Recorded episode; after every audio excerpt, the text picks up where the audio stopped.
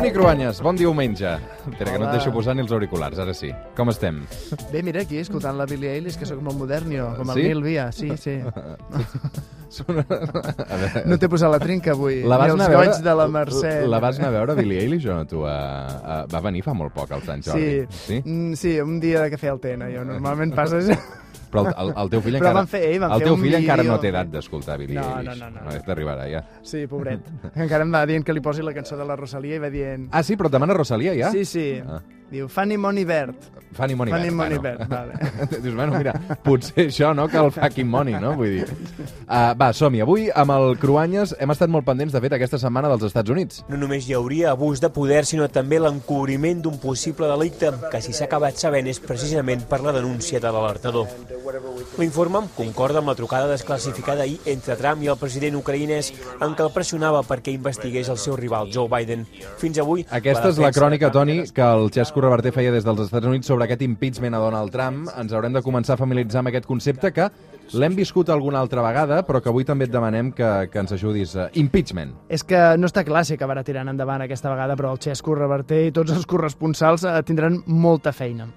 A veure, l'impeachment és un mecanisme constitucional que existeix a molts països i que serveix perquè un Parlament destitueixi un president. És habitual en països que tenen règims democràtics presidencialistes, o sigui, els Estats Units, clar, però també el recull la Constitució de Rússia o la del Brasil, de Corea del Sud. De fet, aquests dos últims països van obligar a plegar les seves presidentes fa molt poc, en Mira. principi per causes de corrupció. Eh? Recordem el cas de l'impeachment a Dilma Rousseff al Brasil, que va ser sonat. Sí, són països en què els presidents tenen una gran autoritat, fins i tot tenen immunitat judicial, i l'impeachment està previst a les seves constitucions per casos molt greus, justament per contrarrestar la immunitat de què compten aquests presidents davant dels jutges ordinaris. Avui amb el Toni Cruanyes repassem els impeachments més recents dels Estats Units. A veure, ens situem 1998, l'època en què Bill Clinton era president nord-americà.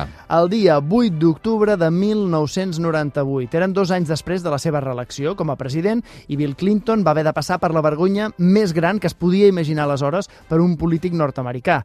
La Cambra de Representants va votar perquè comencés el procés d'impeachment contra Clinton per alts crims i mals comportaments. I tot plegat venia per la relació sexual amb una becària amb Mònica Lewinsky. Sí, però no exactament. Escolta el que va dir Bill Clinton a la seva defensa. I did not have sexual relations with that woman, Miss Lewinsky. I never told anybody to lie, not a single time, never. These allegations are false, and I need to go back to work for the American people. Per tant, el que deia aquí Clinton és que clarament no havia tingut relacions sexuals amb Mònica Lewinsky, que no havia dit a ningú que mentís per ell, i ho va dir davant de les càmeres de televisió de tot un país, però no ho va convèncer, no va aconseguir aquest, eh, convèncer aquest país. Eh? No, a veure, Clinton, ja ho hem sentit, literalment diu que no va tenir relacions sexuals amb Lewinsky. Pel que tots vam saber al final, va tenir-hi sexe oral i, per tant, segons ell, no va ser mai una relació sexual completa. Per tant, assegura no haver mentit. Perquè l'important en aquest cas no era que hagués enganyat la seva dona o que hagués tingut una relació sexual amb un estudiant de pràctiques i que, per tant, d'alguna manera Toni es podia interpretar com que abusava d'una relació de poder. No, no, no, no. Aquí hi ha dues coses realment importants i que cap té a veure realment amb la qüestió sexual. És a dir, d'una banda, els opositors a Bill Clinton del Partit Republicà el que volien era desprestigiar-lo, deixar-lo sense autoritat per evitar que tirés endavant les seves polítiques progressistes i, sobretot, que a les eleccions següents no guanyés un altre candidat demòcrata. I això ho van aconseguir, furgant en la vida privada de Bill Clinton per denigrar-lo a ell i a tot el seu entorn.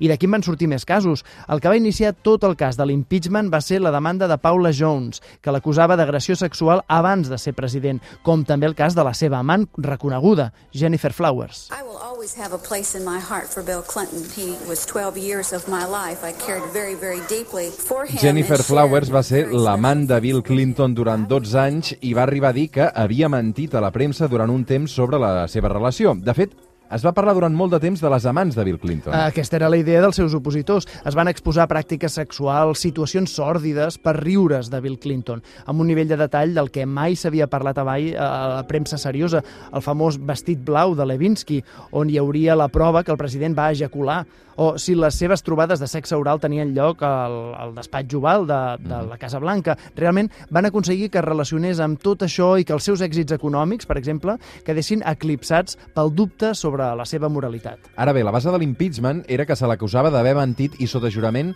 i d'haver obstruït la justícia. La Cambra de Representants va votar a favor d'iniciar el procés d'impeachment, que és el que li pot passar ara a Donald Trump, però llavors un comitè judicial del Senat va estudiar la investigació que va fer Kenneth Starr. Va ser com un judici, però al Senat, amb testimonis en vídeo de la mateixa Levinsky, de Clinton. Al final, tots els senadors demòcrates van votar en contra del processament de Clinton. També ho van fer cinc senadors republicans, cosa que va fer que Clinton guanyés en les dues acusacions. En cap de les dues al final hi va haver impeachment. Però encara que hagués perdut, hauria fet falta una majoria de dos terços de la cambra. És a dir, que els opositors a Clinton van quedar molt lluny d'aconseguir-ho.